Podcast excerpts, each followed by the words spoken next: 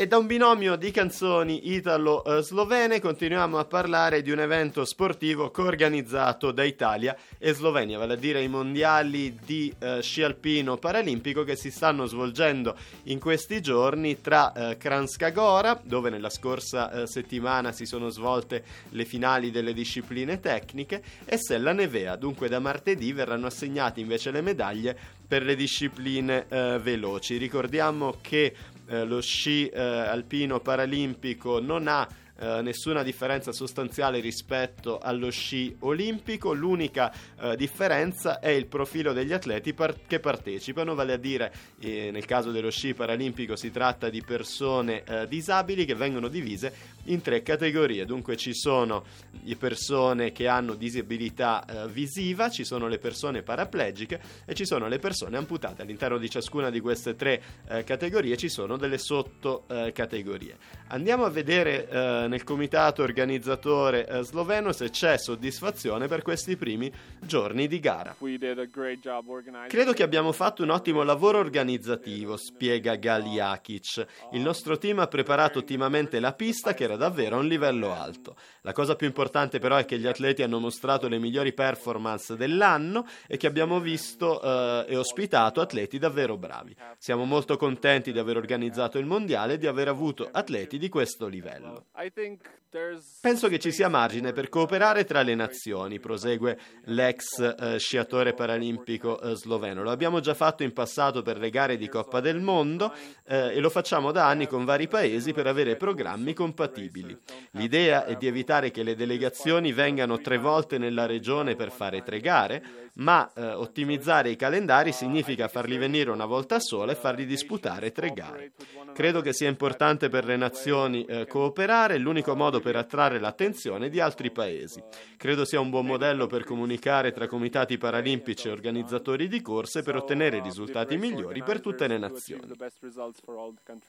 A microfoni spenti, Gagliakic ci ha anche detto insomma, che eh, la cooperazione fra nazioni per organizzare eventi sportivi eh, di una certa entità eh, porta dei vantaggi perché semplifica l'organizzazione, permette di utilizzare infrastrutture già esistenti senza investire per infrastrutture che poi non si sa se saranno utilizzate eh, in futuro, per cui così come si è visto nel calcio dove più nazioni hanno organizzato anche delle competizioni di primo piano, probabilmente secondo Jakic insomma sarebbe il caso di utilizzare questi modelli anche per altri tipi di eventi. Io ho avuto modo di eh, assistere alle competizioni nella giornata di giovedì a Kranjska Gora, in programma c'erano le finali eh, femminili e ho avuto modo di riflettere sul concetto di disabilità stessa. La parola disabilità si fonda sul prefisso dis, che è una negazione, e eh, abilità, quindi la capacità di fare eh, qualcosa, quindi significa il non poter o il non saper fare qualcosa. E io guardavo queste sciatrici che venivano giù,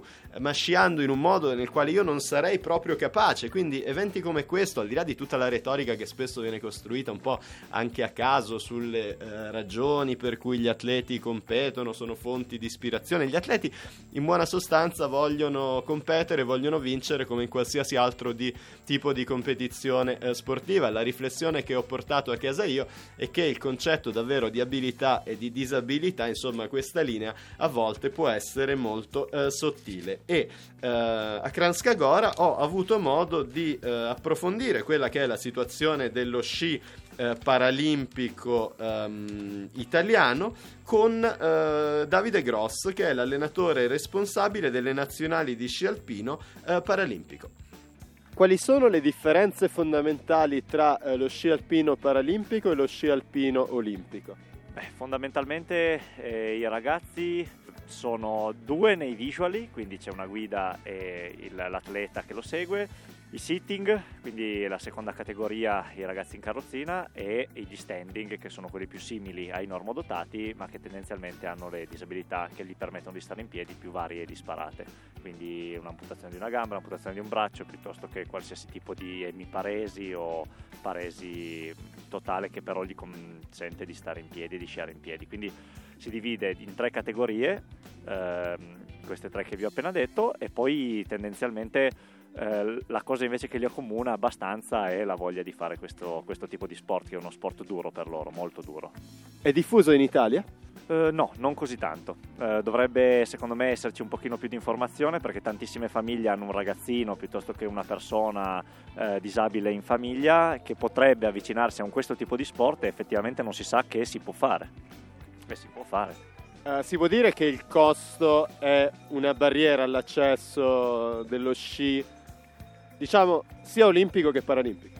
Sì, e ancora di più a livello paralimpico perché eh, la, la, disponibilità di questo tipo di protesi particolari o eh, macchinari indispensabili per riuscire a sciare se sei in carrozzina piuttosto che dispositivi eh, per interfono e parlarsi, oltre che al costo degli sci c'è il costo di queste attrezzature che vanno continuamente evolute, ric- cambiate, ricambiate e tendenzialmente migliorate, quindi sì, è, un, è una bella barriera. Avete delle donne nella squadra nazionale? No, al momento non abbiamo delle donne, abbiamo delle donne nella squadra di sviluppo che sta cominciando diciamo, a partire da questo primo anno dopo le Paralimpiadi coreane e ci sono queste cinque ragazze che sono molto volenterose che stanno cercando di entrare nel nostro team e quando saranno a livello giusto io non vedo l'ora di riuscire a metterle in pista in gare importanti come queste qua. A volte si dice che gli atleti disabili sono una fonte di ispirazione per tutti, si dice che la vera essenza dello sport nello sport, diciamo, paralimpico, ma a me assistendo per esempio alle gare qui a Kranskagora par di capire che al di là del, del, piano fisico, della disabilità che possono avere questi atleti, a me pare che siano competizioni sportive abbastanza tradizionali e omologabili le competizioni sportive per atleti normodotati. Assolutamente sì, soprattutto perché il sistema eh, di cronometraggio cerca il più possibile di emulare, di parificare un po' qualsiasi tipo di disabilità, quindi lo spettacolo eh, è diciamo assicurato da questa, da questa modifica. E in più eh, rispetto a qualche anno fa, una, già una decina di anni fa, i ragazzi stanno cominciando a capire eh, anche mh, con l'avvicinarsi di tante nazioni nuove che qui non si può solo scendere e sciacchiare, bisogna essere atleti, quindi lo spettacolo diventa interessante, soprattutto le prime 10-15 posizioni di ogni categoria cominciano a essere molto agguerrite, molto, i ragazzi che ci competono sono molto agguerriti, quindi effettivamente le differenze rispetto allo sport normodotato si stanno limitando con la grande differenza che effettivamente da un certo punto per fortuna, dall'altro purtroppo eh, non ci sono così tanti ragazzi che possono sciare o tanti disabili che sanno di questo sport. Com'è l'attenzione da parte del pubblico e in generale di tutti i media, della stampa in generale? Una buona attenzione ultimamente, sono, sono felice perché negli ultimi 3-4 anni eh, con eh, sicuramente la bravura dei ragazzi in sé che hanno fatto sapere di loro, fatto, si sono fatti conoscere tramite i loro successi, però a livello, a livello mediatico è leggermente più seguita e si sta diffondendo perché eh, è bello, è una cosa tendenzialmente oltre che eh, carina da vedere, bella da vedere, interessante e anche stimolante per i ragazzi del liceo, portano molte scuole, quindi ci si sta avvicinando anche a livello scolastico a capire che effettivamente loro possono fare molte cose interessanti, chiunque, eh, diciamo qualsiasi tipo di disabilità può fare delle cose interessanti a livello quasi da normodotati.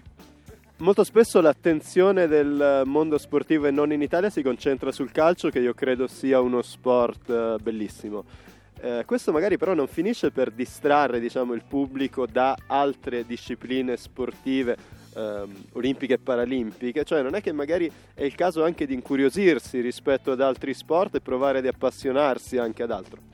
Sì, noi come bel paese siamo diciamo calciatori, più calciatori, invece in Austria per esempio lo sport nazionale è lo sci, quindi loro danno una certa importanza allo sci Chiaramente un pochino più di informazione potrebbe servire e sicuramente un pochino più di, eh, come dire, cercare di andare oltre quello che è il nostro sport nazionale, unirsi al tennis paralimpico, al tennis normodotato, piuttosto che al basket paralimpico, al basket normodotato. Noi abbiamo delle bellissime Alpi che effettivamente ci consentono di fare sia a livello dei ragazzini normodotati sia a livello paralimpico uno sci di qualità, perché lo sci italiano non è male eh, comparato al resto dell'Europa. Quindi devo dire sì, un pochino di più potrebbe essere propagandato. Guardando ai tassi di inattività fisica che in Italia sembrano in crescita e sembrano tendenzialmente più alti rispetto anche ad altre nazioni europee, la mia domanda è non è che magari le persone che non fanno attività fisica non hanno trovato il loro sport, disabili o non? Sì, Sì, una risposta secca, semplice, può essere vero. Grazie. Grazie a voi. Ciao, sono Antonio Rossi. Un saluto a tutti gli ascoltatori di A Ritmo di Sport su Radio Carpodistria. E continuiamo a parlare dei campionati mondiali di eh, sci alpino paralimpico che si stanno svolgendo tra Kranjska Gora in Slovenia e Sella Nevea in Italia. Al termine del programma delle discipline tecniche in testa al medagliere c'è eh, la Francia davanti alla Slovacchia e all'Olanda. L'Italia al momento ha eh, due medaglie, una di argento e una di oro. Entrambe portano la firma di eh, Bertagnoli, di Giacomo Bertagnoli, atleta eh, ipovedente eh, che ha già vinto insomma quattro medaglie olimpiche ai giochi di eh, Pyeongchang con Fabrizio Casal che gli fa eh, da guida. Io ho avuto modo di incontrare questi due ragazzi davvero straordinari giovedì, eh, non me l'aspettavo ed ero molto emozionato, sono stato travolto davvero dalla loro incredibile energia, dal loro eh, entusiasmo ed è stato davvero bello, è stato davvero un incontro molto bello con questi eh, ragazzi. Andiamo ad ascoltare che cosa ci hanno detto. Cominciamo da eh, Giacomo Bertagnolli. Come sono andati questi giorni a Kranjska Gora? Direi che meglio di così non potevano andare, siamo riusciti a portare a casa due medaglie, una d'argento e una di, di oro. Abbiamo sciato bene, ci siamo divertiti, eh, qualche errorino c'è stato, ma tenendo la calma e il sangue freddo siamo riusciti a fare due ottime gare. Si può dire che la differenza fondamentale tra lo sci alpino paralimpico e lo sci alpino olimpico sia semplicemente nel, um, nel piano fisico degli atleti, per il resto si tratta di atleti che competono allo stesso modo, con la stessa voglia di vincere, che ci mettono lo stesso impegno, lo stesso entusiasmo e la stessa passione. Assolutamente sì. E ovviamente poi vabbè, quello che cambia soprattutto per quanto riguarda i visual impair, quelli che hanno dei problemi di vista come me, è che si scia in due e non da soli, però alla fine è la stessa cosa, si gareggia per essere i migliori e per cercare di arrivare sempre più in alto, diciamo. C'è qualche sportivo, qualche atleta a cui ti ispiri? Mi ispiro un po' tutti in realtà, ehm, perché sia da chi ha sempre un, un, asso nella manica che riesce a fare dei recuperi incredibili, sia invece a chi fa delle gare perfette riesce sempre a non fare nessun minimo errore. Cerco di guardare, cerco di capire bene come siano i grandi campioni e poi cerco di imitarli. Diciamo che più o meno mi riesce abbastanza bene. In Italia assistiamo a una crescita dell'inattività fisica, cioè sempre meno persone fanno sport, sempre meno persone fanno attività fisica. Eh, perché un ragazzo, perché un giovane, eh, disabile o non, deve cominciare secondo te a fare sport, a praticare sport? Beh, innanzitutto perché è un modo per mettersi alla prova con se stessi, per vedere dov'è il proprio limite e dove invece si può fare di più. E, e, questo credo che sia una cosa importantissima. Poi ti dà degli obiettivi, ti fa crescere mentalmente e vabbè, fisicamente quello è relativo. Però mo- mentalmente quando uno fa l'atleta e vuole fare l'atleta deve avere le cose belle chiare in mente. Ma anche se non si fa a livello agonistico, in ogni caso è un modo per uscire di casa, per divertirsi e per fare qualcosa di diverso. Tu come ti sei ritrovato a sciare? Io ho cominciato a due anni e mezzo, vivendo ovviamente di fianco alle piste da sci, in paesaggi più belli al mondo, in Trentino Alto Adige. Mi sembra anche palese che sia, abbia cominciato a sciare. Da quando ho messo gli sci non li ho mai più tolti, alla fine scio da quando ho due anni e mezzo e non mi sono mai annoiato. A 13 anni ho cominciato poi a fare agonismo, ma oltre allo sci ho fatto anche tantissimi altri sport come hockey su ghiaccio, arrampicata, bici, mountain bike, downhill, tutti questi sport un po' estremi, un po' da, da pazzi. Infatti mi chiedevo se non fosse uno sport pericoloso, se non hai paura ogni tanto di, di sciare. Ma allora se si scia con la paura diciamo che non si arriva da nessuna parte se non, anzi si rischia forse di più. Bisogna partire soprattutto in una gara convinti di, delle proprie possibilità, di quello che si riesce a fare. Poi a me piace più la velocità, le, le cose adrenaliche, quindi eh, diciamo che lo sci raggruppa tutto ciò. Senti, esiste il doping nello sport paralimpico? Certo, esiste e purtroppo mi beccano sempre a me, non è che mi beccano dopato, ma mi beccano sempre a fare gli esami antidoping, quindi eh, esiste, è molto controllato e per fortuna, come in molti altri sport anche normodotati, eh, nello sci non è la, la, cosa principale il doping. Per fortuna siamo ancora tutti degli atleti che gareggiamo per il piacere di farlo senza aver bisogno di qualche sostanza che ci faccia andare più forte. Che emozioni hai provato a Pyeongchang? Beh, le emozioni sono state tantissime, è stata un'esperienza unica che eh, difficilmente si vive poi alla nostra età, quindi a 18-19 anni. Le emozioni detto, sono state tante, le, le, più belle sono state ovviamente durante le gare che abbiamo vinto, eh, le, in cui abbiamo vinto le medaglie d'oro nel gigante nello slalom, due gare dove abbiamo sciato veramente bene e poi la, la, soddisfazione di salire non una, non due, non tre, ma ben quattro volte sul podio e riuscire a cantare per due volte l'inno nazionale. Grazie. Grazie a te.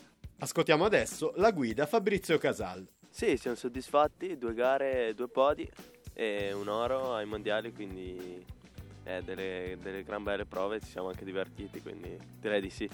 Perché il pubblico si deve appassionare a questo sport? perché credo che lo sport per disabili sia una cosa che ti appassiona e ti prende proprio e a me ha preso prima di tutti, quindi io credo che lo sport paralimpico deve essere uno sport spettacolare e lo sia e non ci sia dubbio su questo. Quanto è importante nella vostra disciplina l'affiatamento fra guida e atleta? È importante, bisogna supportarsi, bisogna anche diver- cercare di divertirsi sempre assieme, essere sempre motivati per gli stessi obiettivi e sicuramente è un rapporto che è davvero importante, insomma è davvero importante che ci sia un bel rapporto e un bel affiatamento. Come ti sei avvicinato tu nello specifico al um, sci alpino paralimpico? Io ho sempre disputato gare per conto mio, eh, agonistiche, fino all'età di 16 anni Dopodiché è nata questa idea di, di sciare assieme e poi abbiamo cominciato a vincere le gare e poi ho continuato questa attività lasciando perdere i miei obiettivi personali diciamo. Che ricordo hai invece dei giochi olimpici invernali di Pyeongchang? Beh, tanti ricordi emozionantissimi, stupendi, sicuramente salire sul podio per Linone di Mameli per la prima medaglia d'oro. Grazie. Eh, niente, un saluto a tutti.